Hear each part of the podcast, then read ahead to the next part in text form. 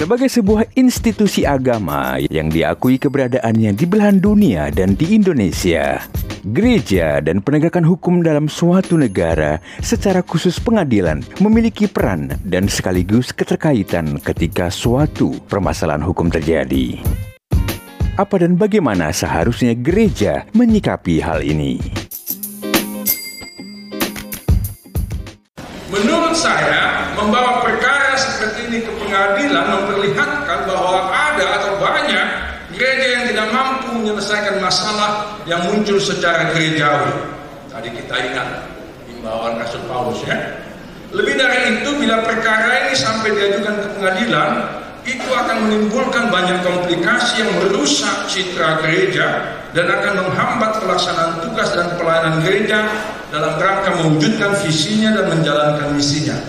Perkara ini juga bisa memicu tuduhan dari warga gereja bahwa para pejabat gereja lebih getol berebut atau berperkara mengenai jabatan ketimbang melayani warganya maupun melayani masyarakat luas.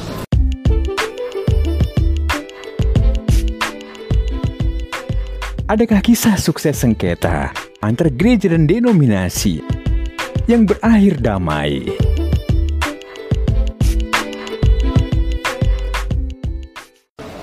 Warga dan pelayan GKP di sana didukung oleh kantor pusat GKP mengklaim bahwa lahan dan gedung itu adalah milik mereka karena leluhur atau orang tua mereka lah yang dulu menghibahkan lahan itu dan membangun gedung gereja itu yang waktu itu masih bernama HKBP. Ayo punani lo na jolo mabuan.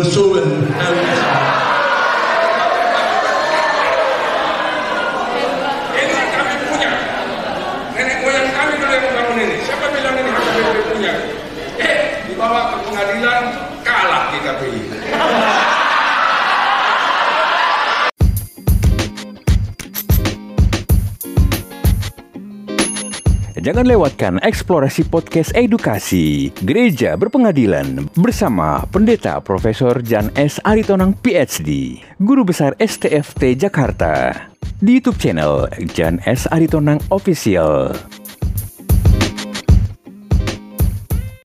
Tapi ini adalah blessing in disguise. Ini justru membuat GKP dan HKBP jadi berkawan lagi.